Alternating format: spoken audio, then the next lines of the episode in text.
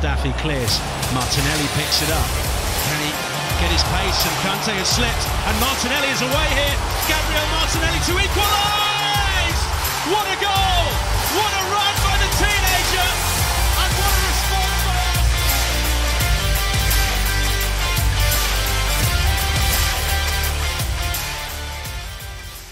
פודקאסט ספורט תכנים, פרק ראשון, כמה מרגש, כמה מרגש להפוך יוזמה שהייתה כל כך הרבה זמן בראש אה, לאמיתית, איתי כאן אה, חברי פורום הנפלאים, דרור רוזנפלד וגיא קורן, מה קורה דרור?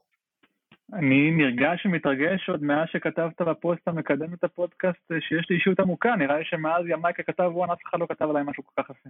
אה, באמת אה, פוסט מרגש עם תגובות מרגשות ורק מחכים, ל- חיכינו לרגע הזה אז בוא, בוא, נ- בוא נביא אותו, יאללה.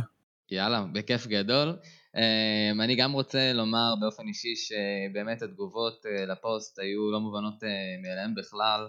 ריגשתם אותי ברמות, אנשים באמת הציעו את עזרתם, כל אחד אה, באמת בא לתרום מה שהוא יכול ומה שיש לו, גם, גם במילים וגם במעשים, וזה פשוט מרגש, ובאמת זה נתן את הדרייב הסופי הזה שבאמת צריך ללכת על זה, וזה באמת מאוד מאוד כיף. אה, אנחנו נדבר על מלא דברים היום, על מלא נושאים שקשורים לארסנל, ביניהם כמובן תוכניות הרכש, הטברנה ממשיכה אה, בצורה מילולית.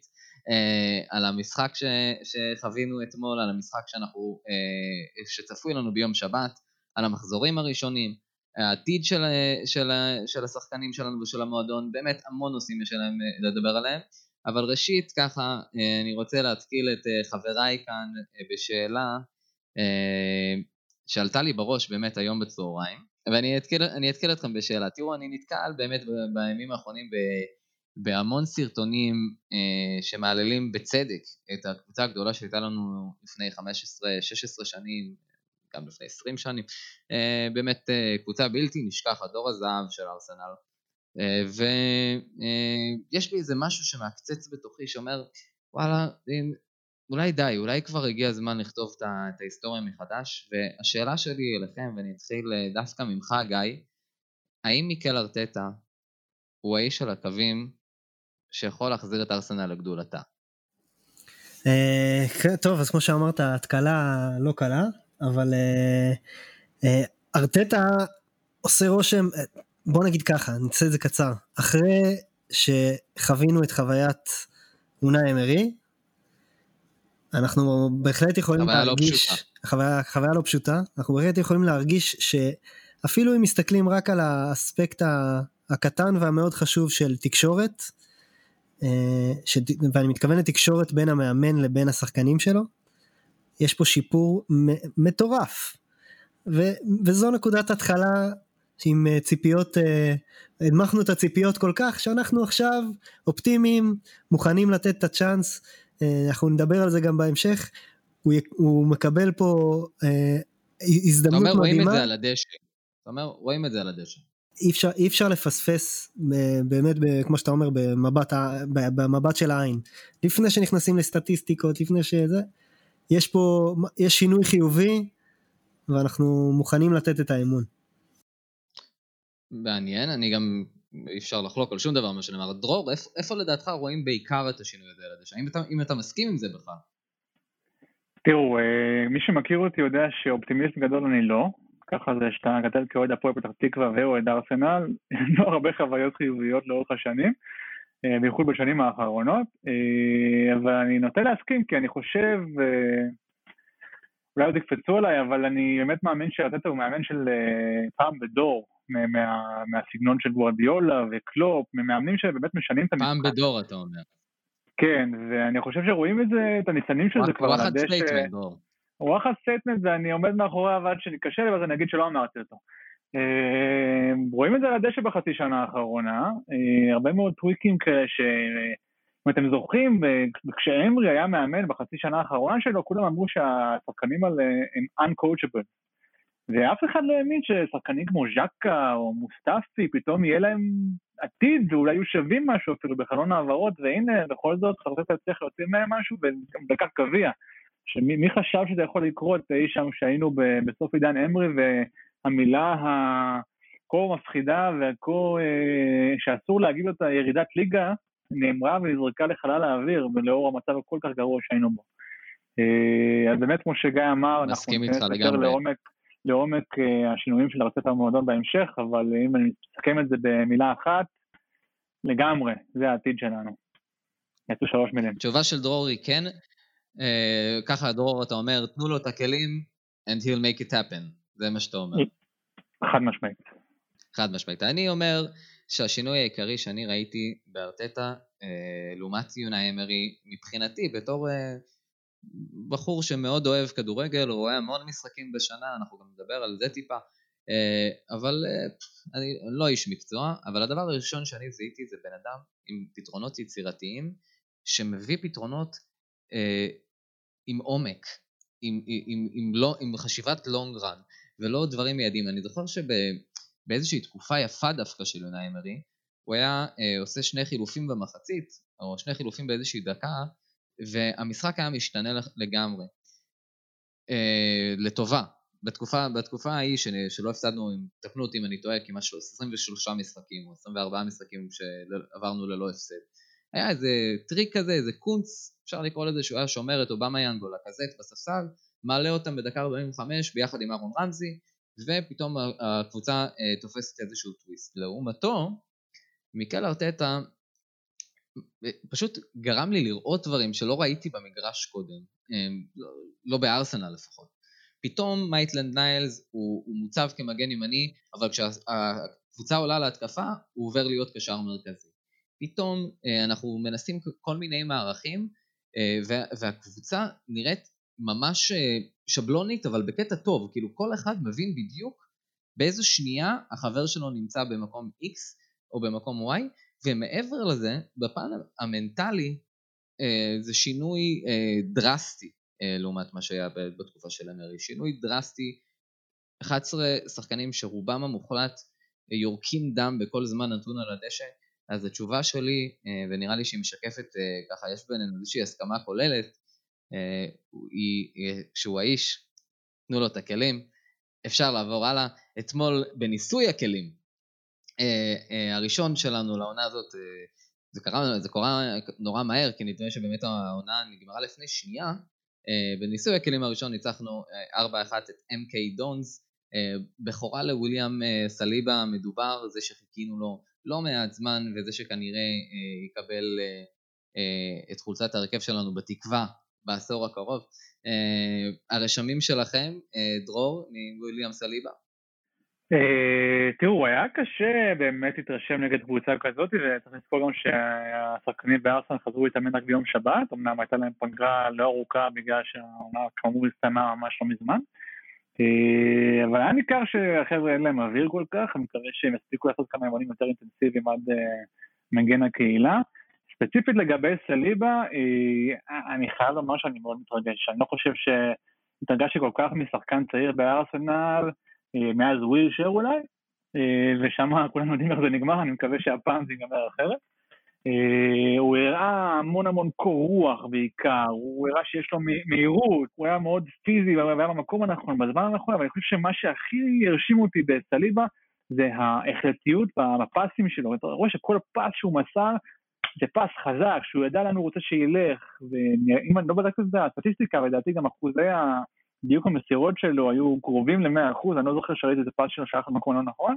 אז שוב, אמנם היריבה היא יריבה מליגה נמוכה, אבל אתה רואה שהבחור, יש לו כדורגל, טפו טפו טפו מה שנקרא, knock on wood, רק שימשיך ככה.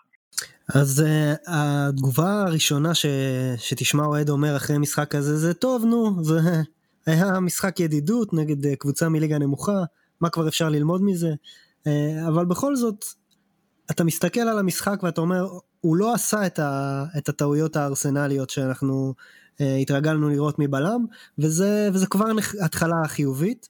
מעבר לזה שהוא נתן לנו ככה טעימות של מכל מיני רגעים, uh, שהוא שומר על הכדור עם הגוף ומפריד אותו מהשחקן ומאפשר למשחק להמשיך לשטוף, שהוא uh, רץ, uh, נותן ספרינט חזרה אחורה ויורד בגליץ' לחילוץ כדור, אה, כמו שאמרת, דיוק במסירות, אה, הראש למעלה, הרבה ביטחון, תקשורת עם שאר השחקנים, אה, שפת גוף חיובית. בסך הכל הוא עשה את מה שאתה מצפה מבלם של ארסנל לעשות נגד קבוצה נחותה, וזה, וזה, וזה אחלה. תראה, אז תחושתי לגבי וויליאם סליבה היא שבאמת מדובר בכישרון על, כל אירופה מתייחסת אליו ככה, הנתונים שלו מדברים בעד עצמם. Uh, בעונה האחרונה יש לו 79.17 אחוז, אחוזי הצלחה בתיקולים. הוא מקום שלישי באירופה באחוז סיכולים מוצלחים. ומעבר לזה, אני חייב להודות שהייתי קצת גיק וראיתי סרטונים ש, שמנתחים אותו מבחינה מקצועית על היתרונות והחסרונות שלו, ואחד הדברים שאני הכי התרשמתי מהם זה היכולת שלו בגילו הצעיר לקרוא מהלכים התקפיים ולחסום אותם עוד לפני שהם קורים. הוא, הוא חוטף מצוין, הוא משתמש בגוף שלו בצורה מצוינת, והוא ball playing center midfielder מובהק אה, עם יכולת מסירה מצוינת גם תחת לחץ וגם מבחינת מסירות ארוכות אה, בהתקפות המעבר, הוא לא עושה את זה אולי מספיק, אבל הטכניקה ברגל היא קיימת, ויחסית הבחור בן 19, אה, אה, אני חושב שבאמת, אה, אני לא יודע אם אני מגזים, אולי זה over hyping מטורף, אבל הרווחנו פה בלם לעשור הקרוב. ואני מאוד התרגשתי לראות אותו אתמול, זה לא הייתה ההופעה הכי טובה בעולם, אבל אה, היה לו די קל, וזה בסך הכל משחק אימון. בהחלט. אה, עוד רשמים שלכם מהמשחק אה, של אתמול, או שנעבור לנושא הבא? מה אתם אומרים? דרור, גייקו? אני חושב שאין יותר מדי מה לקחת מהמשחק הזה, בעיקר כי היו המון המון שחקנים שחסרים, וגם אלה ששיחקו לא בדיוק היו בכושר. כן היו כמה רגעים יפים במחצית השנייה של כמה מהצעירים, של מיגל עזיז, אה, ועוד כמה חבר'ה שם, קוטריל היה נראה לא רע יחסית, למרות שהוא יחסית קטן בגודל שלו. אה, אני בעיקר מתרגש לראות את סמית'רו העונה, מעניין מאוד לראות מה יהיה איתו, אנחנו כן יודעים שארטטה מאוד אה, מאמין בכישרון שלו ורוצה לעבוד איתו העונה, למרות שיש כמה מתעניינות אולי להשאיר אותו לאיזה עונת פרמייר ליג איפשהו. ואני לא חושב שצריך לתת יותר מדי יחס למשחק הזה, משחק אימון, טוב שהיה, טוב שניצחנו, בואו נמשיך הלאה. אה, ראינו ראינו את המערך של השלושה בלמים שוב שזה מעניין אם זה יישאר או לא ו... וגם ראינו את המשחק לחץ שממש ב... אני חושב ששני הגולים הראשונים היו בעשר דקות הראשונות התחלנו עם לחץ. אה, אלנני בגול אה, בלתי נשכח. אלנני ריגש את כולם וגם וזה היה תוצאה של לחץ שלנו מקדימה כמו שאנחנו אוהבים. אולי העלה את שוויו באיזה מיליון יורו איזה קבוצה טורקית. אגב, אה, סליבה, אז הגול השני התחיל עם מסירה שלו קדימה, ומשם זה המשיך לסאקה, וסאקה עם בישול נהדר עם קטע. לא פספסנו, דרור, לא פספסנו את זה. כן, למי שפספס, למי שפספס. גם סדריק היה נחמד שם, רץ הרבה באגף, אה, אני דווקא אהבתי את ההופעה של סדריק אתמול. היה מרשים מאוד נגד אם קיידון. בסדר, הכל טוב, הכל טוב, זה מה שאני מצפה לראות נגד אם קיידון, ניצחנו ואנחנו הפקענו את כל השערים. חד משמעית לגמרי. תראו, אה, בסדר, זה היה איזשהו באמת ניסוי כלים אה, נגד קבוצה חלשה, אה, וראינו איזשהו הרכב של ארסנל ככה אה, ב-26 לאוגוסט, איך ההרכב שלנו ייראה אחרי סוף חלון העברות אי שם באמצע אוקטובר, עוד מוקדם לדעת, אבל בינתיים ככה יש רכשושים רבים סביב עסקאות אפשריות פנימה והחוצה, אני אשמח דווקא שנתחיל מה, מה, מהעסקאות שנכנסות פנימה, הרבה שמות עולים באוויר, אבל דווקא בואו נתחיל מאלו שכבר הצטרפו. אה, אה, כמובן אני מדבר על אה, וויליאן, שחקן הכנף של צ'לסי לשעבר, שאולי בכלל הופך להיות שחקן הקישור ההתקפי, העשר, הפליימקר שלנו, ככה לפי הדיווחים, וגבריאל מגלס, אה, שרחוק אה, באמת מרחק אה, עט מדף. מעגל אש, מעגל אש. גבריאל מעגל אש, כינויו כאן בפוד.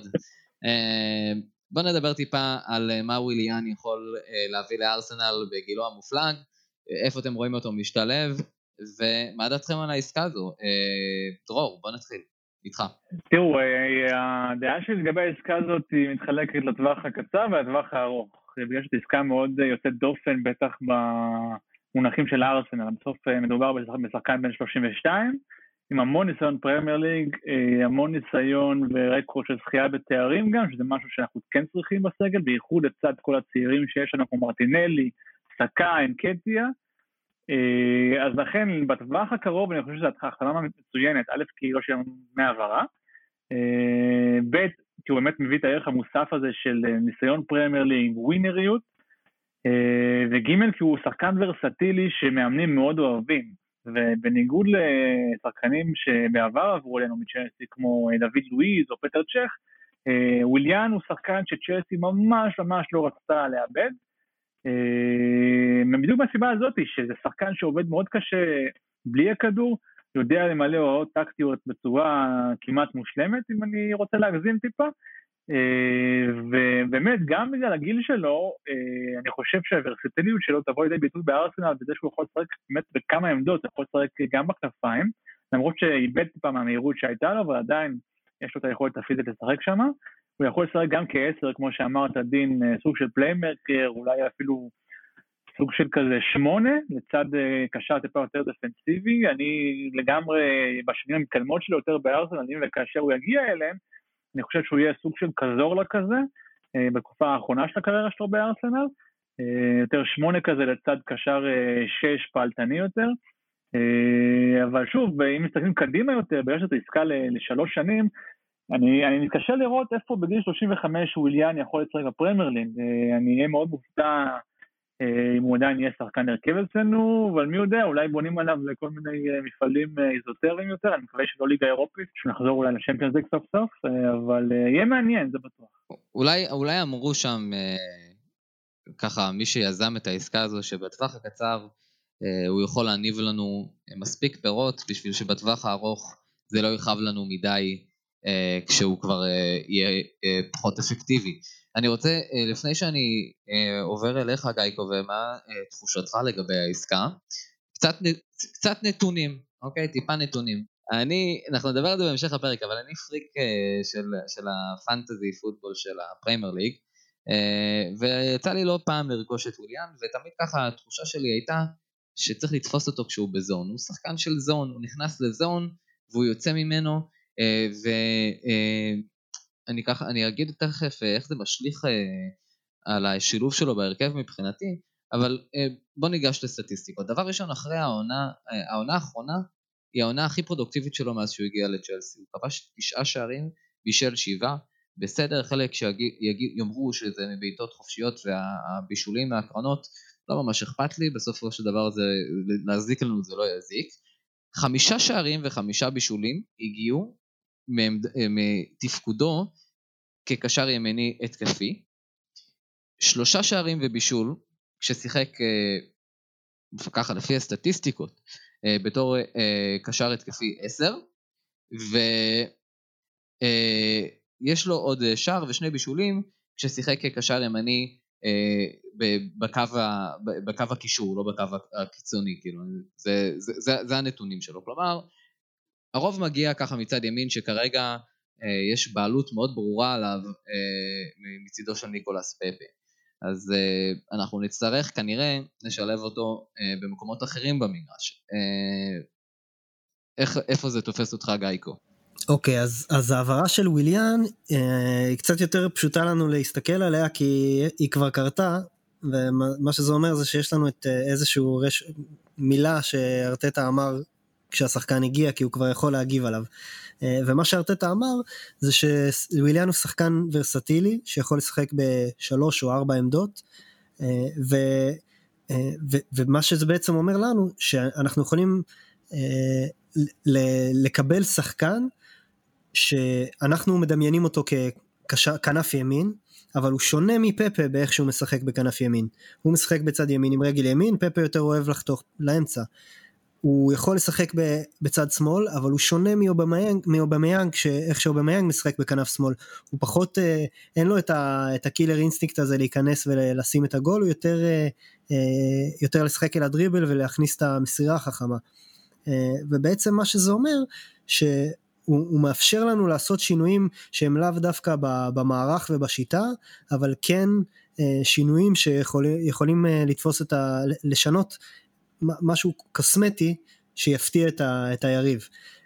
מעבר לזה שכמו שאמרתם, אם, אם אני מכניס אותו בדמיון לעמדה שאיפה שאוזיל שיחק, בגלל שהוא כל כך רלוונטי, כל כך ורסטילי, ואני מקווה שיהיה גם רלוונטי, אז הוא יכול, הוא יכול לעשות את התנועה הזאת של להשתלב בשורה של שחקנים התקפיים מכל מיני, מכל מיני נקודות שונות ולתרום בדרכים שונות. ולכן אני חושב שזה דווקא רכישה מאוד מאוד חיובית, כמובן שאתה מסתכל על המצב הכלכלי שלנו, היינו, ידענו שאנחנו רוצים להכניס תוספת של יצרן מצבים ותוספת של בלם, זה היה המינימום, ואני חושב שזה מה שיש לנו כרגע כשרק התחלנו. זה ממש המינימום, אבל זה היה המאסט, וזה, ומזה התחלנו. ועכשיו, כשאנחנו נסתכל על זה בהמשך, כל השאר כבר יותר תלוי במינים קור, ובהתאם לזה מן אביב וכו'. וגם, וגם על זה נדבר, אני רק אה, אסכם במשפט אחד, גם מבחינתי ההעברה של ווליאן היא מאוד חיובית, אני חושב שהוא יוסיף לנו uh, בטווח הקצר uh, אלמנטים מאוד חשובים למשחק שלנו, uh, גם מבחינת ה... היכולת לטפח וללמד uh, את שחקני האגף הצעירים שלנו, סאקה ומרטינלי כשהוא יחזור מהפציעה, uh, ולתת לנו אלטרנטיבה שלא הייתה לנו בעונה שעברה לחוסר יצירתיות שנוצרה uh, מרגע שאוזיל התנדף לגמרי מהסגל, אה, בעיה שנמשכת כבר יותר משנה למען האמת אה, ופוגעת בנו מבחינת היכולות שלנו לייצר מצבים, אם אני לא טועה, מקום 17 בפרמייר ליג בעונה האחרונה בייצור מצבים, אה, נתון מזעזע לקבוצה ששואפת לטופ 4, וזה לגבי וויליאן, עוד העברה שהיא באמת על סף חתימה, יכול להיות שכבר ההודעה תצא בזמן שאנחנו מקליטים, או לא יודע אנחנו מרפרשים פה את הטוויטר תוך כדי, אולי שיהיה לנו breaking news. לא, לא מבין מה קורה עם האדמין של, של הטוויטר והאתר של ארסנל. הם, הם באמת לא נענים לבקשותיי, ואני לא יודע למה לא הכריזו על החוזה החדש של אובמיאנג ועל החתמתו של גבריאל מגלס אה, עד עכשיו, מעגל אש, בסדר? אני יודע שרצית להגיד את זה דרור, העניין אפשר להעלות סקר, אפשר להעלות סקר בקרב המאזינים, למה הם חיכו יותר, לחתימה של גבריאל או לפוד? מה יותר מרגש אותם, ואם אנחנו הצלחנו לצאת לפני שהוא הגיע, אז אה, זה אומר משהו על היכולות שלנו. אני יכול להכריז עליו למרות שהוא לא מוכרז, כאילו, אתה יודע, סתם בשביל לעשות באז, אה, להכריז עליו פשוט. אה, אבל אני לא אעשה את זה. תקשיבו, מה שכן נעשה, אה, זה בוא נדבר עליו טיפה, אנחנו דיברתי, אמרתי, הזכרתי בכמה משפטים קודם שוויליאם סליבה הוא ball playing defender, אוקיי? זה מונח מוכר בעיקר לחובבי המנג'ר ולקוראי כתבות על הליגה האנגלית. מה, ש, מה שמעניין כאן זה שוויליאם סליבה הוא ball playing defender עם רגל ימנית, על גבריאל אומרים שהוא ball playing defender מובהק עם רגל שמאלית סופר דומיננטית. אה, הוא, הוא גם כן אה, בלם גבוה, וויליאם סליבה מטר תשעים שלוש, גבריאל אה, מטר תשעים, בחלק מהאתרים אגב כתוב מטר תשעים ואחת, אז sorry, תקנו אותי אם אני טועה. כל סנטימטר ו... קובע, דין, מה זה? כל סנטימטר אני יודע, קובע. אני יודע, אני יודע, ככה, אומרים, וגם בחדרי חדרים. ו, ובאמת, אני נוצר לי הרושם א', שמנסים אה, ליצור כאן איזשהו ציוות אה, אתלטי ללונג רן, פיזי ברמות גבוה, אבל לא רק, גם טכני. כאילו, אם מסתכלים על הנתונים, גם של סליבה וגם של, אה, של גבריאל, רואים שני בלמים אה, שהם בטופ סטאצ של מקדמי הכדור אה, בליגה הצרפתית העונה. אם אצל גבריאל זה גם מלא מסירות ארוכות מוצלחות ומסירות ששוברות הגנה אפשר לראות בסרטונים שלו אה, שני בלמים שככה גם אה, מצפייה אה, קלה במשחקים שלהם אתם רואים, נוטים להשתמש המון בגוף שלהם, גבריאל מבצע הרבה יותר פאולים. שילוב קצת, כאילו, קצת, כאילו, הייתי קורא לזה more of the same, אבל more of the same, of the same חיובי, משהו מקביל כזה ביניהם. אז אני, אני, אני מאוד מתרגש ככה לקראת בו. איפה, איפה זה תופס אותך, דרור? מה, מה דעתך על ההחתמה הזו? אני חושב שזאת החלטה מצוינת, אנחנו כבר שנים זועקים לפיזיות ומהירות בהגנה שלנו, תמיד היה לנו כל מיני אה, מוסטפים כאלה, או אפילו קוסיאלי שכביכול היה בלם טוב, הוא לא היה מאוד חזק אה, פיזית או במשחק הראש ומשחק הגובה. ופתאום יש לך שני הרי אדם כאלה שהם גם מהירים וגם יש להם טכניקה וגם יודעים למסור כדור, אני כאילו... זה גן עדן. overwhelmed, אתה overwhelmed לגמרי. לגמרי, לגמרי. אני חושב שיש הבדל מסוים יש שם הבדל מסוים ביניהם, אה, מעבר לניסיון של גבריאל יש טיפה יותר ממנו, אה, וזה נכון ששניהם סוג של ball playing defenders, אבל אני קראתי לא מעט על גבריאל, ודווקא החוזקה שלו היא משהו שיותר קרוב ל... לדוד לואיז, אבל בקטע של כדורים ארוכים אה, מעל ההגנה, הוא צריך מאוד לשפר אה, את הריכוז שלו, שזה קודם כל, גם אומרים שיש לו נטייה לאבד ריכוז ומזה יש לו מספיק בארסנל, לא צריכים האמת שגם אני גם קראתי על אה, קצת ענייני בלופריות, אני מקווה שזה... והדבר השני שהוא צריך לשפר זה המסירות על הקרקע, זאת אומרת הוא מאוד אוהב למסור כדורים ארוכים, אבל מוצא אותם מעל ההגנה, הוא פחות טוב במה שנקרא to break the lines בין השחקנים. אה, זה משהו שהוא כן צריך לשפר, אבל כן יש לו דריבל מצוין, כיאה לשחקן ברזילאי, הוא כן מאוד פיזי והוא כן אה, מהיר וחזק במשחק הראש, אה, ככה שאני חושב באמת ללונגרן יש לנו כאן ציוות סופר מעניין וסופר אטרקטיבי. מה שכן, בטווח הקצר יותר אני, אני, אני לא יודע ואני לא חושב שארטטה יזרוק את שניהם ביחד למערכה במערך של 4 4 האמת שגם אני חושב שלא, זה לא, זה לא סגל. אולי, עם שלושה בלמים זה יעבוד איכשהו, אבל אני חושב שלא סתם יש לך במצבת הבלמים הנוכחית אה, אה, שחקן אה, מנוסה יותר, פחות על כל אחד מהצדדים בהגנה, אם זה לואיז וסליבה בצד ימין, וגבריאל ופבלו מרי בצד שמאל, כל אחד יכול ככה לשבת אותו בציוות עם טיפה יותר ניסיון וטיפה יותר כישרון, מה שנקרא. אה, אבל אין ספק שזה שינוי סופר דרמטי להגנה של ארסנל אחרי שנים מאוד מאוד קשות. אני חושב שמאז ימי סול קמבל לא היה לנו בלם עם פיזיות כזאת כמו סליבה וגבריאל, זה שינוי מרענן ומבורך. זה בהחלט מרגש, אה, בואו נקווה שזה גם יעבוד בפועל. אה, אני עובר ככה על מצבת הבלמים, גיא, אני לא שכחתי אותך, אני אשאל אותך לגבי גבריאל, אבל אני רוצה להוסיף לך... אני נהנה להאזין, שתדע. חידוד לשאלה, חידוד לשאלה, שימו לב, מצבת הבלמים, הבלמים נכון להיום. בוא נניח שגבריאל כבר בקבוצה, אפשר להניח דבר כזה ברשותכם? תניח, עליי, עליי, תניח. עליי, אוקיי, בסדר. מצבת הבלמים, סוקרטיס, מוסטפי. sold, sold.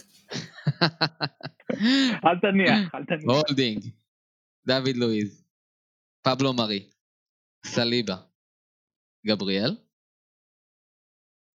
אמת? שכחתי מישהו? ומברופנוס שבהשאלה בשטוטגרד. ומברופנוס שבהשאלה.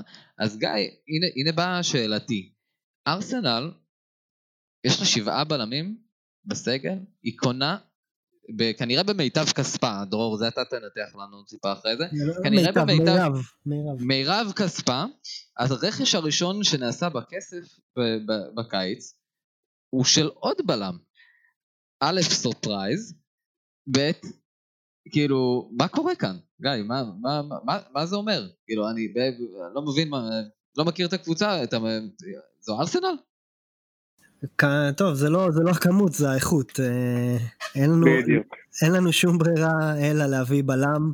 אה, בוא נגיד שהקראת שם לפחות 14-15 אה, בלמים פצועים מתוך ה-20 שהקראת.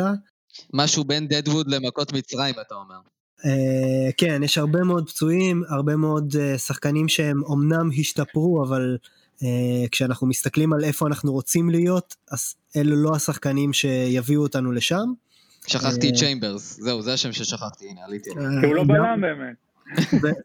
הוא לא בלם אולי, אבל הוא, הוא גם, גם הוא שכח, כי הוא הרבה זמן לא אה, שיחק כדורגל, והוא כנראה גם הרבה זמן לא ישחק עוד.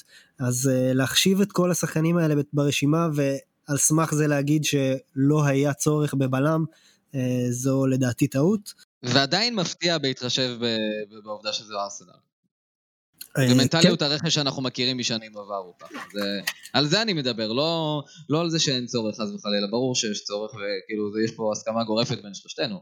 העניין זה שזה נורא מפתיע, כי אני לא חושב שבימי ונגר אה, היינו רוכשים עכשיו עוד בלם. תקנו אותי אם אני טועה. לא, הוא היה אומר שצ'יימברס זה like a new signing. like a new signing, בטח, חזר מפציעה, היה נפלא לפני הפציעה, קלאסי. נפלא. יחסית. אוקיי, אוקיי אז, אז אנחנו גם בש, בעיצומה של התקופה של ההתאוששות מעידן ונגר, ואני לא אומר את זה לאו דווקא בצורה שלילית, המועדון היה בנוי בצורה מאוד מסוימת, וכשוונגר עזב, המועדון צריך לעשות, היה צריך לעבור איזה שהם שינויים בשביל להתאים את עצמו גם לזה שאין יותר את האדם החזק הזה, וגם להתאים את עצמו לה, להתפתחות של הכדורגל, של עולם הרכש, עולם האנליטיקה, ולכן, ולכן אני לא מופתע שיש פה איזשהו שינוי בגישה, שאתה מרגיש רגע, זה לא, זה לא, זה לא הארסנל שהייתה לי פעם. איך, איך אני מקבל עוד בלם למרות שיש לי כבר מספר גבוה שלהם. חשוב לציין שאני מרוצה מה, מה, מהשינוי הזה, אני מרגיש כמו משב רוח מרענן. אה, וככה, אני רוצה שנרחיב אה, טיפה על עוד העברה נכנסת אה, פוטנציאלית, אבל קודם אנחנו חייבים, ככה זה, זה להערכתי, נראה לי, נראה לי שזה להערכת רוב מי שמסקר את ארסנל כרגע. אה, לפני שאנחנו נראה שחקנים אה, חותמים בקבוצה, שחקנים אחרי גבריאל כמובן, אני, אני מניח שאנחנו קודם כל נצטרך למכור לא מעט שחקנים, יש לנו המון נכסים ששווים כל אחד בין פרוטה ל-35-45 מיליון יורו ככה לפי הדיווחים. זה גם יש פה עניין של להיפטר מכמה חוזים מאוד כבדים. ולפני שאנחנו ניגש לזה, אני רוצה שנדבר על עוד העברה פוטנציאלית נכנסת אחת, כי זה שחקן שמאוד מרגש לשמוע אותו בהקשר של ארסנל, אני מדבר כמובן על תומאס, תומאס פרטי. תראו, אם היו אומרים לי לפני ככה ארבעה, חמישה חודשים ששחקן שהוא שחקן ליגת אלופות, אה, שחקן אולי בין הטובים בתפקידו בעולם היום, אה, יהיה מועמד לארסנל או שארסנל רוצה לשים אה, את ידה עליו, הייתי, הייתי משתעשע, זה נשמע מצחיק, כאילו כי פרקטית, רציונלית, לא נראה, לפחות לי, שיש לו איזושהי סיבה לרצות לעבור מאתלטיקו מדריד לארסנל, אולי יש פה עניינים כלכליים שאני פחות בקיא בהם, אבל ככה ממה שקראתי זה בעיקר הרצון שלו אה, לשחק בפרמייר ליג אה, וההתעניינות אה, שלנו בו כן מסקרנת אותו, ככה לפי הדיווחים של הכתבים היותר אמינים, הבעיה היא בעיקר להשיג את, את הסכום שצריך לשלם לסעיף השחרור שלו. ואני מבחינתי חושב שאם נצליח בסופו של דבר להוציא את העסקה הזו לפועל, זה זה, לא יודע אם אני מגזים טיפה, אבל זה להביא את הוויירה הזה שחסר לנו כבר אה, 17 שנים. מה דעתך, uh, גייקו? אוקיי, okay, אז uh, אני מאוד סקפטי לגבי ההגעה של, uh, של פרטי, של תום, אני אגיד תומאס, כי זה יותר קל, uh, ואני חושב שאני לא, שואל, לא טועה כשאני אומר תומאס, uh, אז אני, אני סקפטי כי ממה שאנחנו שומעים הדרישה היא לקבל תשלום אה, ישיר של 50 מיליון וזה לא משהו ש... שאנחנו נוטים לעשות. אה, אנחנו, המועדון שלנו יותר אוהב את העסקאות היצירתיות, אה, פריסת תשלומים, כל מיני טריידים שונים למיניהם, אז, אז אני באמת לא רואה איך אנחנו מצליחים להביא מכל המועמדים את אותו, אבל מצד שני, אה, ליד ג'קה, אני חושב שאין שחקן שעדי, שאני מעדיף לראות חוץ מתומאס. אתה אומר וג'קה זה בנקר בהרכב גם אם תומאס מגיע. אני פשוט, שוב, אני אחזור לגודל התקציב ולכמות השחקנים, אני לא, אני לא יודע איך אנחנו יכולים להביא את, את שחקן איקס שמועמד לשחק בקישור שלנו ולידו לא יהיה ג'קה כי ג'קה כבר שם. אין לנו, אני, ההערכה שלי לג'קה היא לאו דווקא כזו גבוהה כמו שאולי זה נשמע, מצד שני הוא ככל הנראה כרגע בסגל, אני מסתכל על הסגל, הקשר האמצעי הטוב ביותר בקבוצה. הוא לא מקדם כדורים, הוא שחקן כן. שמקדם את ההתקפה של ארסנל, אין לנו כאלה שחקנים. אם, אם הוא מתחרה עם, כרגע עם טוררה, מועמד לעזוב, וגנדוזי שמועמד לעזוב, מה שאומר שהוא כרגע פחות או יותר היחיד. אתמול הוא שיחק בהרכב עם אלנני. אין ספק בכלל שהוא יישאר בהרכב, שהוא יישאר בהרכב ושהוא יהיה בנקר בהרכב, וזה גם לא המאמן הראשון שמגיע לארסנל ונותן לו את המעמד הזה. מתאהב בג'קה.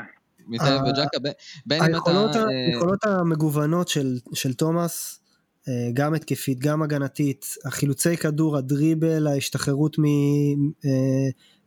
ממשחק צפוף, כל הדברים האלה, האתלטיות שלו, המהירות שלו, הזריזות שלו, זה דברים שמותאמים בדיוק לשחקן שעומד ליד ג'קה, שאין לו את הזריזות והמהירות הזאת, את האתלטיות. היתרון הגדול של ג'קה זה לקבל את הכדור מאחורה, כשיש לו space, והוא יכול אה, לחשב את המרחקים. ולמדוד בדיוק את המסירה לעיתים מאוד קרובות היא מאוד יפה שיש לו ברגל שמאל, אבל כשהוא עם הגב למגרש, כשהוא תחת לחץ, פחד אה, אלוהים. הוא יותר נוטה לעשות את הטעות הזאת, אני, אני ככה מנסה להשתדל לא, לא להיות נחרץ בשליליות, אה, ובאמת, ולשים לידו שחקן כמו תומאס, זה, זה, זה, זה בדיוק מה שארסנל צריכה בשביל המערך שבו היא משחקת כרגע. אה, זה, אבל זה שידור, אה, תראו, אני, אני חושב שגם ארסנל כבר מבינה שזה, ככל שעוברים הימים זה סוג של פנטזיה, אה, כי לכל זאת... זה לא קל לגייס את הכסף הזה, לא ספק. כן. זה, זה משתי בחינות, כמו שאמרת קודם כל, דין, צריכים למכור כדי לקנות, ואני חושב שככל שעוברים הימים, ארסנל מבינה שאין קופצים כל כך גדולים על הנכסים שלה, מה שנקרא, אם בתחילת קורונה ממש מיד נגיע לזה. אה, תן לי להשלים גם במשפט, היא חשבה בהתחלה שתצטרך למכור שחקנים כמו גנדוזי ואפילו טוררה ומיילטן נייד במחירים גבוהים, המציאות זה קצת אה, מראה אחרת, בייחוד אחרי הקורונה. וגם מהנקודה של אתלטיקו מדריד, ההנהלה שלהם בדיוק אה, הודיעה לא מזמן שבגלל המצב הכלכלי שלהם, גם חובות האצטדיון וגם הקורונה, רק 25% מכל סכום העברה שייכנס באמת ישמש אותם לקנות שחקנים חדשים. ואחרי שהם הודיעו את זה, אני לא חושב שיש איזשהו סיכוי בעולם שהם יזוזו מהסעיף שחרור שלו שעומד על 50 מיליון. ובוא נגיד שלא בכדי אנחנו שומעים בימים האחרונים אה, שמועות השחקנים אלטרנטיביים לפרטי, כמו אה, בובקרי סומרי מילי ועוד כל מיני שמועות כאלה. אני חושב שארסנל צריך למצוא אלטרנטיבה.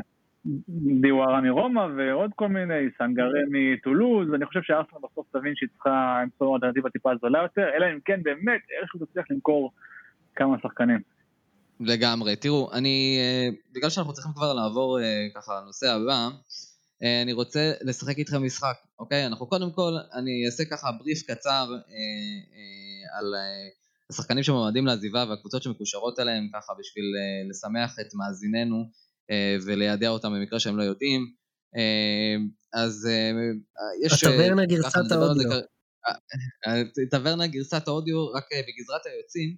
השחקן הקרוב ביותר לעזיבה, ככה למיטב הבנתי, זה איינסלי מייטלנד ניילס, שלפי הדיווחים דחינו היום הצעה של 15 מיליון פאונד מוולפס, אבל יש פה, זה, זה לא כל כך רחוק ממה, שהם, ממה שאנחנו רוצים לקבל ומה שהם רוצים לשלם. אני מניח שבשבוע הקרוב תגיע איזושהי הם יגיעו לנקודת אה, עמק השווה, אה, וזה יקרה, סוקרטיס מקושר לנפולי, אלכסנדר לקזט מקושר לאתלטיקו מדריד ויובנטוס, אה, מסות אוזיל לכמה קבוצות בטורקיה, שום דבר לא רציני, מתאו גונדוזי מקושר כמעט לכל קבוצה באירופה כי אנחנו מנסים להציע אותו לכל עבר, אף אחד לא בדיוק לוקח, ככה דיווחים על התעניינות מפריז בימים האחרונים, קלום צ'יימברס, התעניינות מובהקת מפולאם, כרגע זה לא הפך להצעה, אה, לוקאס טוררה, אה, התעניינות מכל מיני קבוצות איטלקיות, אלנני לליגה הטורקית, קולסינאץ' נדמה שזה מתקדם אה, בגזרת שלקה, רוב הולדינג מקושר לכמה קבוצות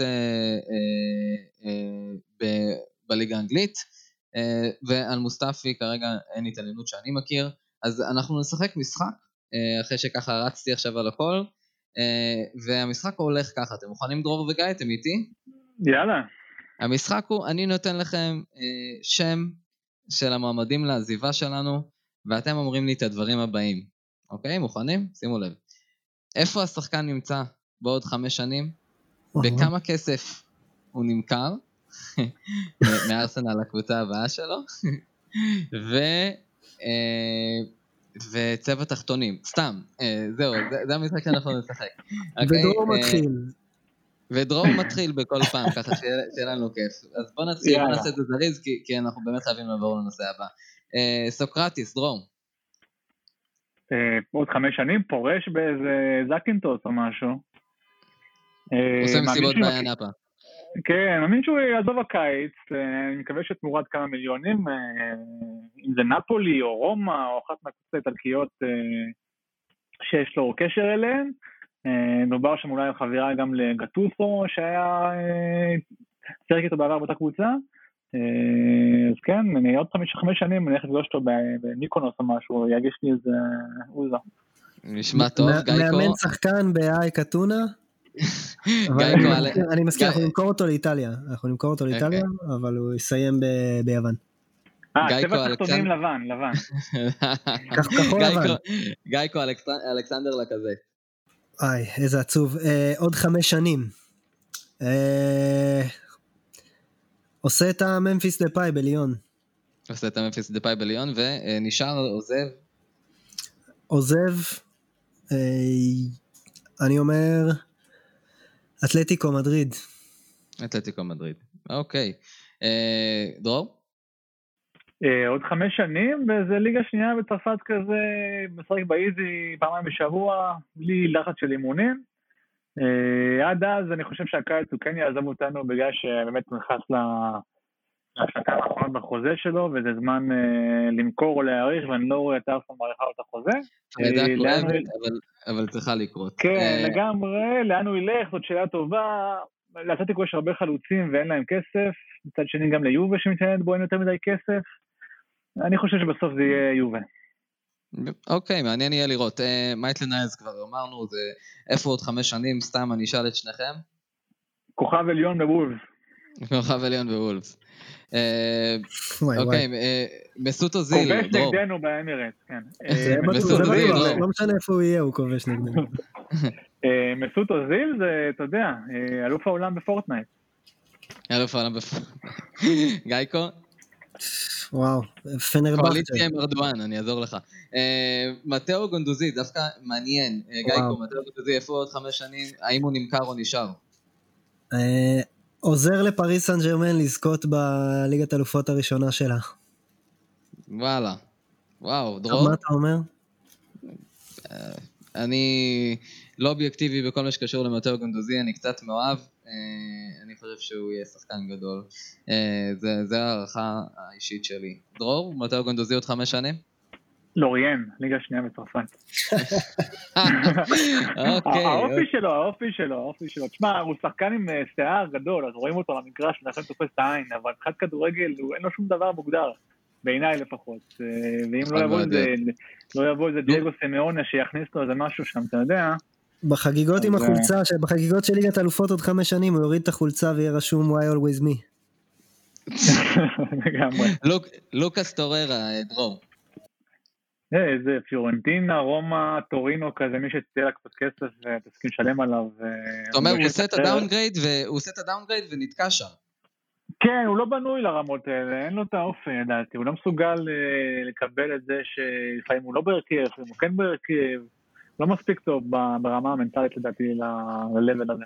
הוא יכול להיות בקבוצת ליגת אלופות בליגה האיטלקית. זה נפולי כזה, בטעות. ונמכר או נשאר? להערכתכם, נמכר או נשאר? נמכר. נמכר?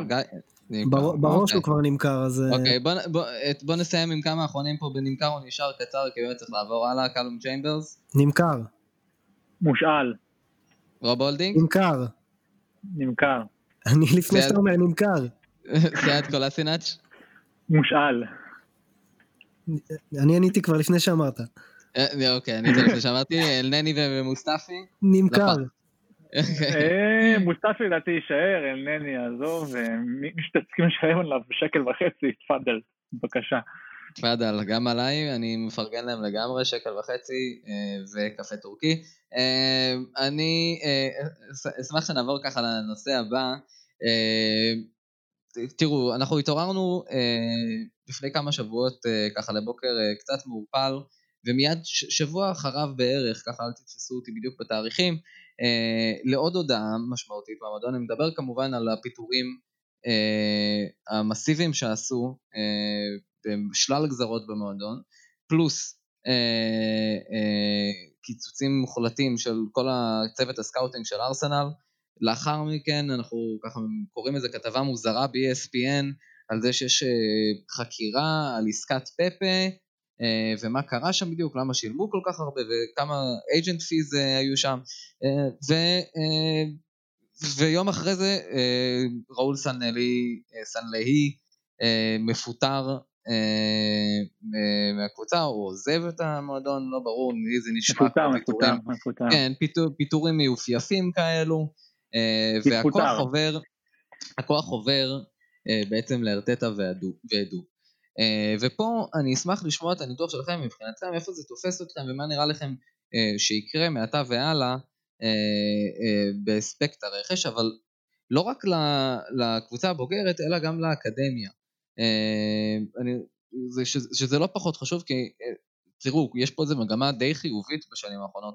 אנחנו מקבלים לא מעט שחקנים מהאקדמיה אה, אה, לתוך ההרכב, כן? יש, יש לנו לא מעט שחקני אקדמיה, ש, ש, או שחקנים שהגיעו אלינו בגיל נורא צעיר, אה, ש, שצמחו לשחקני, לשחקנים ששיחקו לא מעט בשנה שעברה ב, ב, ב, בליגה האירופאית, בגביעים השונים, וחלקם גם בליגה. הם סאקה שנתן וואחד עונה מדהימה, בוגר אקדמיה יוצא מן הכלל, אז מה, איך אתם רואים את המהלך הזה? מה, מה, איפה זה תופס אתכם? דרור. קודם כל אני חושב שמי שנפגע הכי הרבה מהפיטורים האלה זה דיוויד אורנסטין שאיבד 90% מהמקורות של המועדון וכבר לא מדווח על העברות של ארסנל, אולי בגלל זה הוא לא הכריז על גבריאל עדיין. נדמה שהמקורות שלי יותר טובים בינתיים. לגמרי. אנחנו השתמשנו בו עד עכשיו בשביל לאמת העברות, ומה שקורה עכשיו זה שכששחקן מועמד לנפולי, אז אנחנו יודעים שזה בדרך להיסגר אצלנו, אז לא צריך יותר דוידור. יש לנו דין אונסטין, זה בסדר. האמת שזה באמת היה רגע כואב, בייחוד ברמת הקלאס, שאנחנו יודעים ומכירים שארסנל זה מועדון שתמיד מנהל עם המון קלאס ושמר על העובדים שלו. מצד אחד, מצד שני צריך כן לציין שבין המועדונים הגדולים באנגליה לארסנל היו הכי הרבה עובדים. כלל בכלל המועדון משהו כמו 600 אם אני לא טועה, הבאה אחריה הייתה 500 אחרי זה 400 זה פחות, אז זה כן שינוי שהמועדון הזה החליט לעבור, אני מניח שכמו הרבה מאוד עסקים בעולם, החליטו לנצל את תקופת הקורונה כדי לבצע את המהלך הזה שהוא ייתפס טיפה פחות נוראי.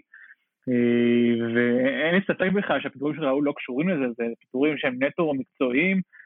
לפני כמה חודשים מונה טים לואיס, שהוא עורך דין שמקורב לקרונקיז, מונה שם לבורד כ-non executive director, הוא עשה שם סוג של ריסרצ' ותחקיר על כל המערכות במועדון, ובדק איפה יצא הכסף ולמה, ואני מניח שגילו שם כל מיני דברים לא בדיוק נורמליים למועדון כמו ארסנל. כן צריך לציין שראול מגיע מספרד, ששם הנוהג הזה של לתת את הכספים מתחת לשולחן, לכאורה כמובן, או כל מיני עסקאות טיפה יותר מפוקפקות, זה משהו שהוא די, די מוכר וחיים איתו יחסית בנוח. באנגליה זה פחות, ואני חושב שהמנטליות הזו של סנלה היא לא התקבלה בזרועות פתוחות על ידי קרונקי ו... אם זה ג'וש וסטן שרגילים לסטנדרט אחר. אולי טוב עשו, דרור, לפי מה שאתה אומר, אולי טוב עשו. אני, אני מרגיש יותר בנוח בלי זה, אני חייב לציין, למרות שתשמע, היום בכדורגל אי אפשר בלי להתעסק עם סוכנים, אתה כן צריך מישהו שיש לו את הפנקס אנשי קשר הזה, אבל אני חושב שראוי באמת לקחת את זה לאקסטרים, וזה משהו שהוא לא יכול לקרות כמו ארסנל, אתה לא יכול שהסוכן מה שנקרא הראשי שאתה עובד איתו יהפוך לסוג של מנהל טכני בפועל שלך, שהוא יושב איתך בבוקס, אתה מזמין אותו לכל מקום ויכול להיות למסעדות, וש-90% מהרכש האחרון שלך זה שחקנים שלו, זה, זה הכל נראה שם לא טוב, אפילו ההכרזה של ווליאני נעשתה בבית של קיה ג'וואבשיאן, זה, זה משהו שהוא נראה לא טוב, בטח בעיני הקרונקיז שמכירים התנהלות אחרת לגמרי מקבוצות האחרות שלהם בעולם, ובפרט בארצות הברית. אבל אני חושב שבאמת בלונג רן זה שינוי מאוד מעניין שקורה בארסנל. צריכים לזכור שבאנו ממבנה מאוד מאוד טוטליטרי, ונגר, ידו בכל ויד כלבו מה שנקרא, הוא עשה הכל, שום דבר לא היה קורה במועדון בלעדיו, ואז הגיע גזידיס, שלאט לאט ככה ניסה לבזר את הסמכויות, לקחת קצת כוח מוונגר, הביא כל מיני אנשים, חלקם לטובה, חלקם פחות, הגיעה חברת סטטיסטיקות עם ג'ייסון רוזנפלד, שהמליצה לוונגר לשחקנים, לא תמיד הוא לקח אותה, לפעמים נמצא שחקנים לא טובים, זה גם קורה. אה, הגיע אחרי זה סבן מיסטינטאט וראול, באמת היה אמור להיות שם איזשהו משולש אה, ניהולי שכל אחד אמור לטפל במשהו אחר. אה, זה לא צלח עם אמרי, מאמן שלא היה לו כמעט סיי בהעברות, הוא רצה למשל את, את זהב ולא את פפה והביאו לו את פפה על הראש שלו, שזה גם מודל שהוא לא בהכרח נכון, כי בסוף אתה רוצה שחקנים שיתאימו לשיטת המשחק שלך, וזה לא היה, ועכשיו אנחנו נמצאים בסוג של מעמד ביניים כזה. אבל אם אנחנו לוקחים לדוגמה כאילו ככה מודל שאני מכיר שדווקא עובד די טוב אה, מהזירה המקומית. אה, אני מדבר כמובן על מכבי תל אביב בכדורגל. אה, גם אצלם המאמן ממש לא קובע על הסגל, ולא לא, לא שואל, אני, אני אופתע מאוד אם למשל המאמן היווני שהם הביאו, שהם החתימו לפני כשבועיים, אם הוא מכיר שחקן אחד בסגל או אם יש לו איזשהו סיי על העברות, ואצלם זה עובד טוב, עובד טוב מאוד, אולי זה קשור בארסנל יותר לפרסונות, שהפרסונה שעמדה על הקווים, למנהל הרכש ולמנהל המקצועי, אה, ופחות אה, פחות למודל עצמו, כאילו, מה הבעיה כאן? הבעיה היא המודל, או מי שמאייש את התפקידים? אני רק אתייחס להשוואה, רק להתייחס להשוואה, פשוט אה, צר, צרם לי קצת, אנחנו מדברים על מועדון שמייצא מאמנים, אז לא יכול לתת למאמן לחשוב טווח רחוק, אז יש מישהו למעלה שמנהל לו את, ה, את, את הרכש, ולעומת מועדון שהוא אה, נותן למאמן שלו חשיבה ארוכה ואתה מצפה, אתה חושב קדימה תוכנית לשנה הקרובה, תוכנית לעוד שנתיים ותוכנית לאיפה נהיה בעוד חמש שנים, אתה לא יכול אה, לצפות מהמאמן שלא יהיה לו איזושהי טיפה מעורבות אם אתה מצפה שהמאמן יישאר כמובן. אז רק להתייחס לככה fair enough, fair enough. בקטנה רק נגעתי ואני נותן לך לשם חתרתי. אה, תראו, השאלה שלך האם זה הפרסונות או, או המודל, אני חושב שזה גם וגם. אה, המודל הזה יכול לעבוד בקבוצה שבה. באמת הפרסונות הן מאוד חזקות ואיכותיות, למשל בדורטמונד, לא, לא סתם הביאו את uh, מיסטינטט לפה, אבל ברגע שהוא לא קיבל את מה שהוא רצה וראה שכל הכוח עוזר לסנליי, שעכשיו ברצלונה סנליי לא היה אחראי על העברות, הוא היה אחראי לסגור את העברות, היה לך מנהל מקצועי שם, בין אם זה זובי זרטו, אחרי זה אריק אבידל, הם בחרו שחקן להביא, וסנליי הלך וסגר את העסקה, כך הוא הביא את נאמר ואחרים. בארסנל, once אה, מיסטינטאט עזב, בעצם אף אחד לא החליט איזה שחקנים מביאים, הכל נקבע על פי הקשרים של ראול. ולכן, בטח שיש לך מאמן על הקווים שהוא לא... הוא כל חייו הוא עבד עם אה, מונצ'י, אתה יודע, זו הייתה ההצלחה הגדולה שלו, מונצ'י הביאו שחקנים טובים והוא... הוא אימן אותם על הדשא. אז לאמן בארסנל הוא לא הצליח בגלל המחסום של השפה ודברים אחרים, ולא היה מי שיביא לו שחקנים שמתאימים לו.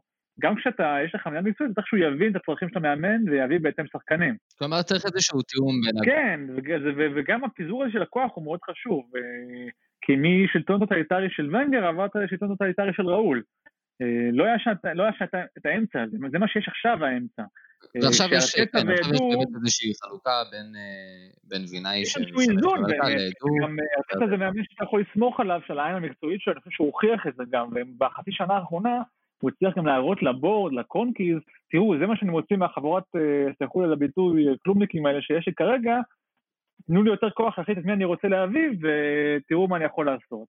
אז ביחד עם אדו וביחד עם טים לואיס וקרון והקרון שטיפה יותר מעורבים, אני חושב שיש שם איזושהי היררכיה טיפה יותר מאוזנת, שתעזור לארסנל בטווח הארוך למצוא את השחקנים הנכונים אה, לסגל, לבנות סגל שמאוזן, ולא באמת להגיע למצב אה, קיצון כמו שהיינו לאחרונה.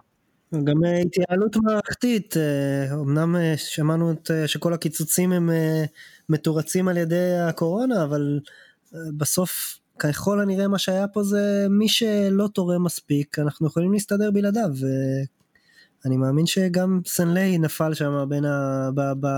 תחת הקטגוריה הזאת של... אתה אומר ייעול של המערכת. אה, כן, כן, עברנו פה תאריך ייעול קר ו... ולא נעים עם ה... פחות, פחות במקרה של סנליי, אני לא מרגיש לא נעים עם סנליי, אבל עם הפיטורים האחרים שהיו, אה, כל מיני דמויות אה, עם מעמד היסטורי בארסנל שגם נאלצו לעזוב. אה, ואנחנו מקווים שזה באמת התייעלות. פחות אנשים... תראו, אז... אז אה, מבחן התוצאה זה בסוף. מה שיקרה. כן, מבחן התוצאה יספר לנו הרבה דברים, ובאמת אנחנו רואים איזושהי... העיניים על עדו. העיניים על עדו ועל ארטטה. זה קצת לא מפתיע אותי ככה מהשפת גוף של ארטטה שהוא רוצה יותר מעורבות והוא יותר כזה מסתכל על תפקיד המאמן כתפקיד המנג'ר וזה מעניין אותו ולקחת חלק בכל התהליכים. יש בו משהו, אתה יודע, אני לא מכיר אותו אישית, אבל השם ככה משדר לי אמביציה וחשיבה ואיזושהי שאפתנות כזאת נורא מובהקת. כשהוא הגיע, תשכח, הוא אמר, הגיע, הוא אמר, אני רוצה שכל המערכת תהיה מצוינת, לא מספיק שרק השחקנים יהיו מצוינים, גם אנשים מסביבי בצוות המקצועי צריכים להיות מצוינים, גם הנהלה צריכה להיות מצוינת, הוא יש לו חזון מאוד ברור לארסנל. ובינתיים, בינתיים ממה שאנחנו שומעים, כל שחקן שמגיע אומר שעניין אותו הפרויקט, אנחנו אומנם קוראים יותר uh, מקורות uh, סובייקטיביים ארסנליים, אבל אנחנו שומעים הרבה על שחקנים שאמרו, יכלתי לקבל יותר במקום אחר, מעניין אותי הפרויקט של ארטטה. תראו, אפשר לקחת לדוגמה ככה בשביל לסכם את, ה, את הנקודה, את הבולט, אה, שהסוכן של גבריאל מגלש, מעגל לאש, אה, צוטט כשהוא אומר שההוצאה של ארסנל הייתה הרבה פחות אטרקטיבית אה, כלכלית אה, מהצעות של קבוצות אחרות, אבל אה, הכוח אה, שכנוע של ארטטה והדו הן אה, שהביאו אותו אה, לחתום בארסנל בסופו של דבר. זה חלק מהאקטיביות מה, אה, שאנחנו רואים מהצמד הזה בחלון העברות, אבל לא רק שם, אנחנו רואים שינויים דרמטיים גם בצוות המקצועי. בשבוע האחרון פרדי דיונבורג עוזב, איזשהו מאמן מצבים נייחים מברנדפורד מגיע, ו... תן לנו את השם שלו רגע, דרור. דרור, תן בראש את השם. אנדריאס ג'ורדסון. יס, כפיים לדור. וכמובן, אה, אני חושב שזה דווקא משהו שהעסיק אה, יותר את אוהדי ארסנל, בעיקר הוותיקים, שמתרגשים אה, מאולי חזרתו של, של דניס ברקאמפ לצוות המקצועי, חזרתו ללונדון לצוות המקצועי, ננסח את זה ככה נכון. אמ, וחלק מזה, אם אכן זה יקרה, אולי כאילו, אנחנו נחכה לראות אם זה יקרה, אבל אם זה קורה, אה, יש פה גם, אה, אין ספק, התערבות אה, בכל המערכת, כהמשך למה שאמרת, גיא, בייעול המערכת ובשיפור שלה. אותי נורא עניין למה הביאו מאמן מצבים נייחים מברנפורד, קצת סטטיסטיקות ברשותכם. אנחנו מקום ראשון בפער ניכר בספיגת שערים ממצבים נייחים אה, העונה בפרמייר ליג. אה, ככה פרסמו איזושהי תמונה בפורום אה, אתמול אם אני לא טועה, עם הפרצוף של מוסטפי והנתון המזעזע הזה. אז כן, מושלם. מי שעשה את זה באמת אחלה עבודת קריאייטיב, יפה. והנה, עוד, עוד פעם, ככה בהמשך להלך הרוח של ארטטה מהמשחקים עצמם והדברים שאנחנו יכולים לראות, זה כזה בוא ניקח נקודת תורפה מובהקת ואשכרה נתקן אותה ולא נחכה שהיא תסתדר מעצמה אה, אה, ונגר סטייל.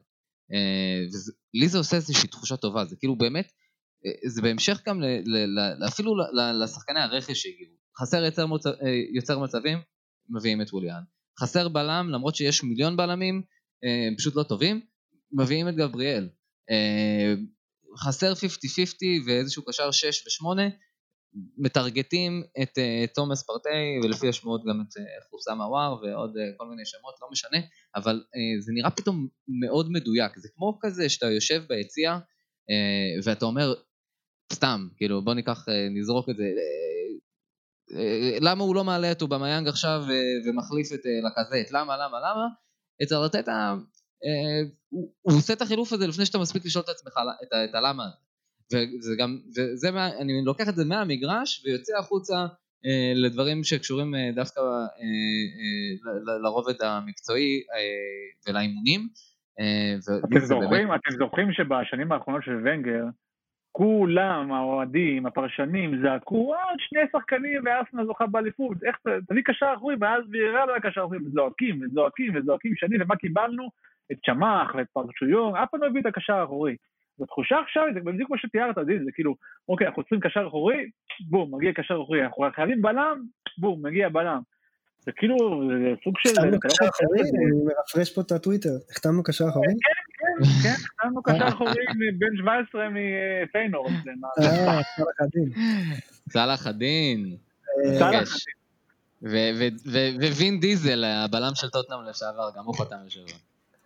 כן, האקדמיה עושה עבודה טובה. אה, לואיס. אני חושב שזה מאוד, מראה מאוד על, אה, על קדמה, כי היה לנו איזשהו חשש אחרי כל הפיטורים שאולי אנחנו, היה לנו, היה איזה הפרש בין הפיטורים של ה-55 לבין הפיטורים של, של ראול, והמחשבה הייתה שאו-או אולי אנחנו מוותרים על כל ה analytics וה scouting ועוברים רק לעבוד עם סוכנים, איזה פחד. אה, ועכשיו, עם ה... עברנו את ראול ומינינו מאמן של מצבים נייחים, ויש לי לפחות איזושהי תחושה ש, ש, שאנחנו מדברים פה על, על, על איזושהי התקדמות של, שלנו לכיוון הכדורגל המודרני. כי מה שהטכנולוגיה מאפשרת לנו היום, היא הופכת את הכל פחות או יותר ל, אה, למשהו שניתן לח, ל, לכמת אותו. אמרת, דיברת על מצבים נייחים, אז ישר הלכת לאיפה אנחנו מדורגים, בכמה ספיגות, הספיגות האלה עם פנדלים, בלי פנדלים, על כל, אה, על כל קבוצה לקראת המשחק אתה יכול לדעת מה הם עושים בקרנות, מה הם עושים ב... ב אתה יודע, אבל גיא, זה לא חוץ. רק, אה, זה לא רק לעשות את האנליזה, זה גם, אה, זה גם לטפל בזה, אתה מבין? זה, זה מה שעושה לי, זה מה שמרגיש לי טוב כאן. כאילו, גם יש אנליסט שמסתכל על זה, וגם יש מישהו שהולך ועושה מהלכים כדי לתקן את זה, ולא מחכה עשור אה, עד, ש, עד שהוא עושה משהו. וזה, לי, לא יודע, אני באמת, זה, זה, זה- טיפה מרגש אותי אפילו. זה משהו שמרגיש לי קצת כמו uh, מהפוטבול האמריקאי, שלמאמן יש רשימה של מהלכים שהוא יכול לעשות, והוא אומר לקווטרבק שלו בוא נעשה את המהלך הזה עכשיו, כי אני רואה את הדברים במגרש, אז המאמן של המצבים הנייחים יכול ליצור כמה וכמה סיטואציות שמתאימות לקרן קצרה, אה, כדור לקורה הקרובה, כדור לקורה הרחוקה אה, וכו', והאנליסט אומר לו הקבוצה הזאת הם טובים מאוד כשמגביהים לפה, הם, הם פחות טובים כשלשם, ואז ארטטה אומר אוקיי הקרנות במשחק הבא אני רוצה שהם ילכו לפי תוכנית א'. כאילו כל הדבר הזה שאמרתי עכשיו זה נשמע נורא פשוט ו, ולשם אני, אני חושב שהכדורגל הולך ואני אני מאוד אוהב את, ה, את ההתמקצעות של מאמנים, אה, מאמנים לתפקידים מאוד ספציפיים, היה, אני לא, אני לא חושב שזה יכול להפוך להיות מאמן התקפה, מאמן הגנה או משהו גנרי כזה, אלא דברים מאוד מאוד ספציפיים. אה, לראות את ארטטה בתור לגמרי. אה, מנהל של כל הדבר הזה מעל כל מיני אנשים שמייצרים לו את הדברים, את, ה, את הנגיעות הקטנות האלה, והוא בעצם שולט, אתה יודע, רוח המאמן, איך אנחנו רוצים, אם אנחנו קבוצה בגדול, פוזיישן, פוזי, דברים הגדולים זה עובר דרכו, אבל הדברים הקטנים, כל מיני מאמנים אה, קטנים ומקצועיים זה מעניין. אה, אני, אני מאוד אוהב את זה. לגמרי, אה, ואתה עושה לי פה יופי של גשר לנושא הבא. אה, ככה, יצא לי לדבר עם שניכם גם ביחד וגם לחוד. אה, אתה אומר ככה, אה, התקדמות אה, לכדורגל המודרני, אני חושב שבעצם מאז החזרה מ- מפגרת הקורונה, ראינו כולם את, ה, את, ה, את המערך החדש של ארסנל 343, אה, אה, רובם כינו את זה, וראינו את המערך הזה גם קורה בלא מעט קבוצות בעולם, וזה מוביל אותי לנושא הבא, באמת, תנו לי קצת, מאיך שאתם חושבים שארסנל תעלה השנה, אנחנו ראינו 343, ראינו 4321, או 4231, סליחה, אה, בתקופות מסוימות, אה, כולנו אה, אה, אולי גם היינו רוצים לראות 433 פיור, אה, אה, דרור, דבר אליי. אני חושב שמה שלמדנו על ארטטה אה, בחצי שנה האחרונה זה בעיקר שהוא מאוד אוהב ורסטיליות. אם זה בשחקנים ורסטיליים שיכולים למלא כמה עמדות, אם זה במערכים מאוד דינמיים שיכול אה, להזיז ולשנות תוך כדי משחק.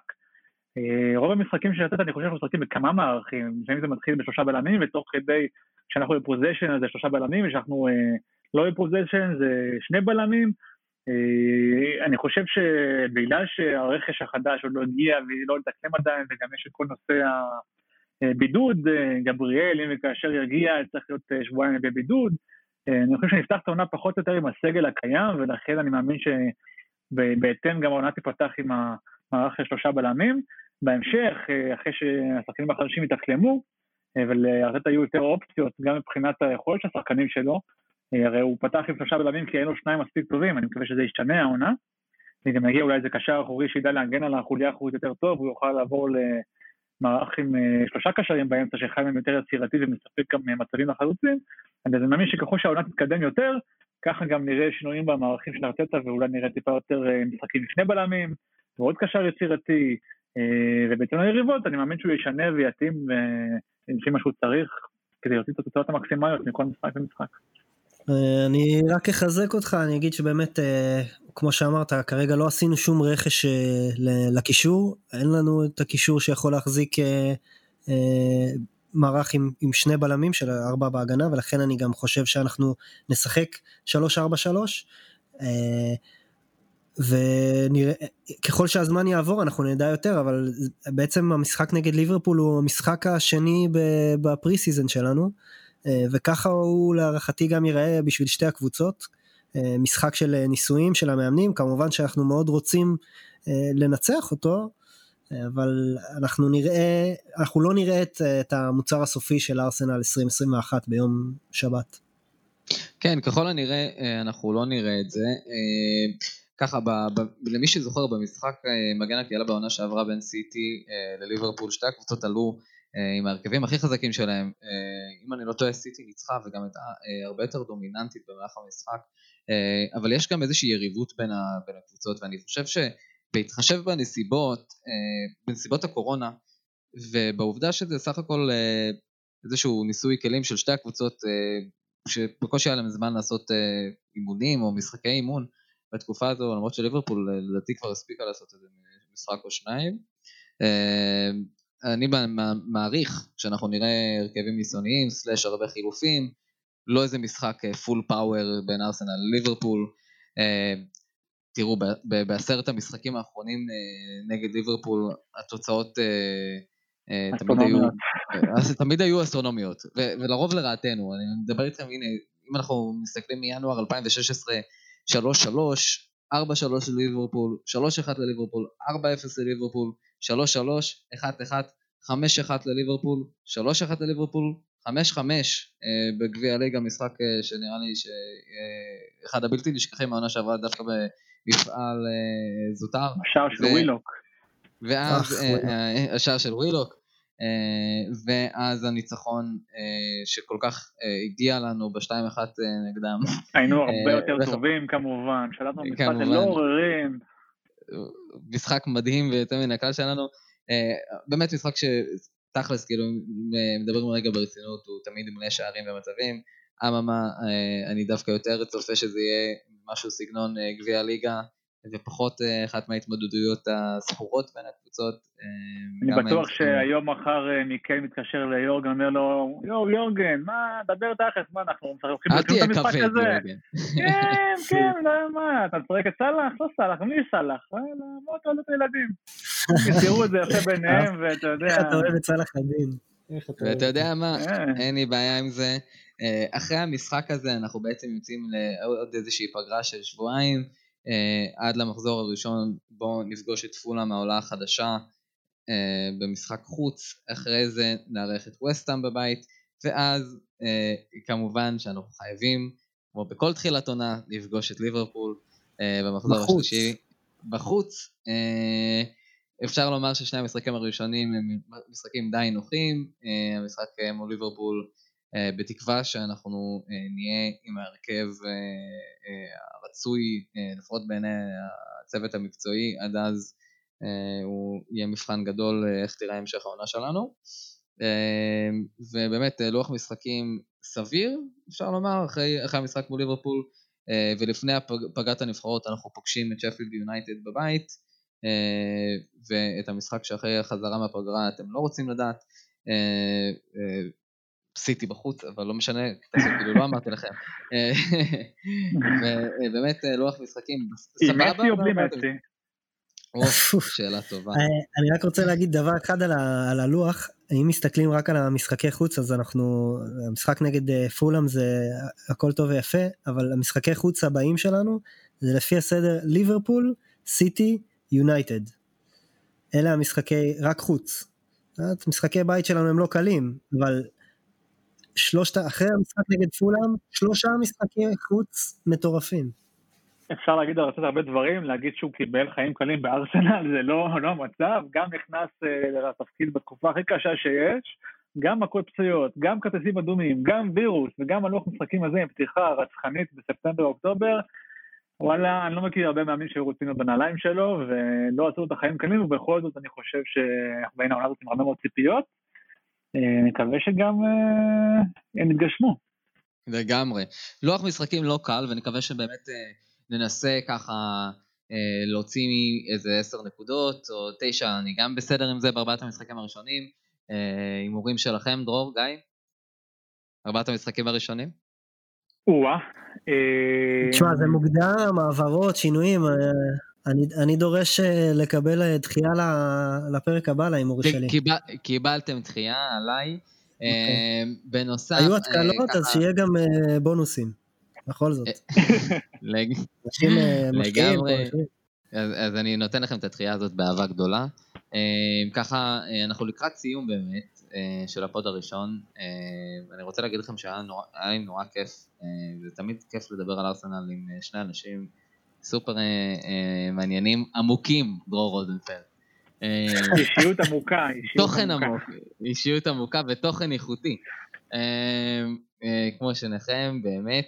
וככה רגע לפני סיום, אני רוצה לספר לכם, מאזיננו, מי שמקשיב, שאנחנו שלושתנו חובבי פנטזי, כמו שדיברתי טיפה ככה בתחילת הפוד, מי שמכיר את הפורמט או לא מכיר, מדברים בעצם על הרכבת אה, נבחרת חלומות, אה, נראה לי ככה זה התרגום הישיר של זה, אה, בליגה האנגלית, זה בעצם התמודדות שאתה מרכיב קבוצה בתחילת עונה מאיזשהו תקציב של 100 מיליון פאונד, ויש כל מיני שינויים ועדכונים, מי שמכיר את הפורמט זה בעיקר בשבילו, אנחנו נמליץ מדי שבוע על כל מיני שחקנים שאנחנו רוצים לבחור או מסתכלים עליהם בהתאם לכושרם ולוח המשחקים שלהם. אה, כרגע עוד מוקדם לדעת בדיוק מה יהיה ההרכב, ואני מניח, אני כבר בניתי הרכב. דרור, אתה בנית הרכב? גיא, בנית הרכב? בוודאי. בניתם הרכב. אני, אני אגיד לך, אני, אין לי שום סיכוי במשחק הזה, אני לא מסוגל לשים בהרכב שלי שחקנים של קבוצות ש, של, של, של הקבוצות היריבות שלנו, אני לא יכול לעודד את השחקנים האלה, אין לי שום סיכוי, אני מפסיד כל שנה, אבל אני נהנה לשחק בכל זאת. השחקן המהמר האמוציונלי, אתה מבין? כמה כסף אנחנו שמים על הליגה שלנו? כמה כסף? אלף שקל? אלף, אלף שקל נשמע לי טוב, לא, זה, זה, זה הסכום כניסה. נכון, נכון, זה טוב, אנחנו נתחלק 500-500 אחרי שגיא יפסיד, בסדר? אוי אוי אוי, אה, בסדר, אז אנחנו נעשה, אה, באמת שככה בפרק הבא אנחנו ממש אה, נדבר קצת יותר על הרכבים ועל שחקנים שאנחנו אה, רואים כפוטנציאליים אה, למחזורים הראשונים. אה, אני יכול אפשר, לומר... אפשר אבל איזה טיפ כזה כן, להתחלה. כן, טיפ, טיפ, טיפים קטנים להתחלה מבחינתי. אה, א' כל, הכי חשוב אה, זה המערך. אני לא, מש, לא משנה, לפחות מבחינת איך שאתה מתחיל את העונה, מבחינתי המערך האידיאלי הוא 343, בטח בהתחשב במצבת הקשרים חלוצים בפריימר ליג. יש כמה שחקנים שאי אפשר להסתדר בלעדיהם, ויש שחקנים ששווה להסתכל עליהם. אה, גם חכים זייח, אה, הרכש החדש של צ'לסי, גם מתאוס פררה, מלך הבישולים של הצ'מפיונשיפ בשנה שעברה שמשחק בווסט ברומיץ', אדם את ראור שלדעתי אה, הוא שנייה מהתפוצצות וזה לא רק בשריר היד קדמית שלו, הוא שנייה מהתפוצצות של מספרים. ו, ועוד ככה אחד מהלב וזה לא רק מהלב אבל זה גם כי אני חושב שגם אחרי אתמול הוא חיזק את תחושתי, אה, קרן טירני, אה, שיביא המון אה, תפוקה, אני מקווה שאני לא מנכס אותו העונה, והוא בהרכב פנטזי שלי נכון עכשיו, אז זה הטיפים מהצד שלי. אתה אמיץ, אתה אמיץ, לין. זה אני. ודור, מה, מה איתך? מה אתה מספר שם? מה קורה ברגע אז בניגוד אליך, אני חושב שדווקא לעונה הזאת בפנטזי, המערך שהכי מתאים לפחות מבחינתי זה 352. פשוט מאוד הפכו המון המון חלוצים מעולים לקשרים, אני לא רואה סיבה לא לפתוח עם מערך חמישה קשרים. תן לי לנחש שאובמה יאנג כבר נמצא בהרכב שלו. ברור, אובמה יאנג נמצא, ואם אה, יונתן הייתה משחקת מחזור ראשון, גם היה להיות או את ראשפורד או את אה, גרינווד, אה, אבל צריכים אגב לזכות וטיפים וכאלה.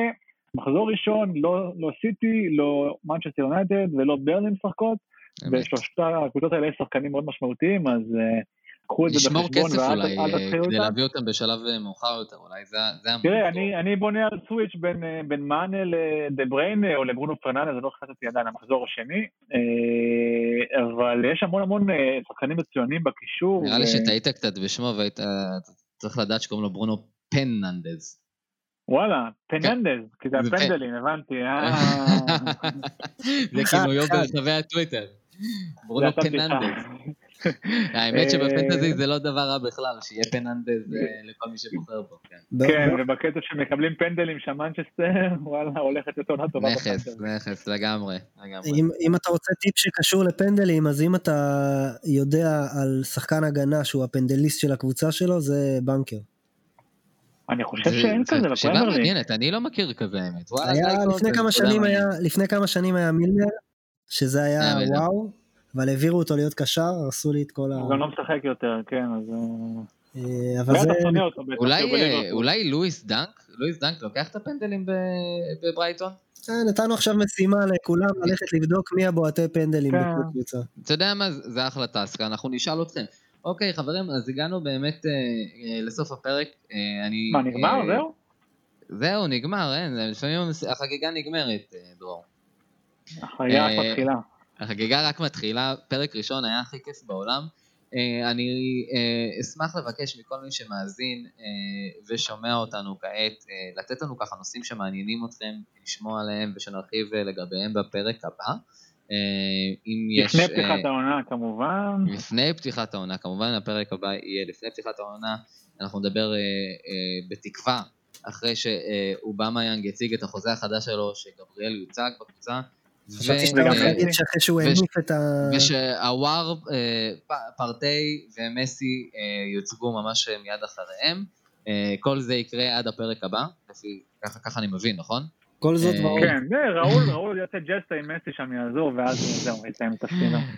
בסדר גמור, ואנחנו נאחל לזה שאנחנו אה, נזכה לעונה אה, מוצלחת, מקווה שנהניתם. דרור, שיהיה הרבה מה לדבר. אני דין ברכה, דרור רוזנפלד וגיא קורן, ממש ממש תודה לכם, היה כיף ותענוג גדול. כמה אני גאנר. נקסט טיים. COYG.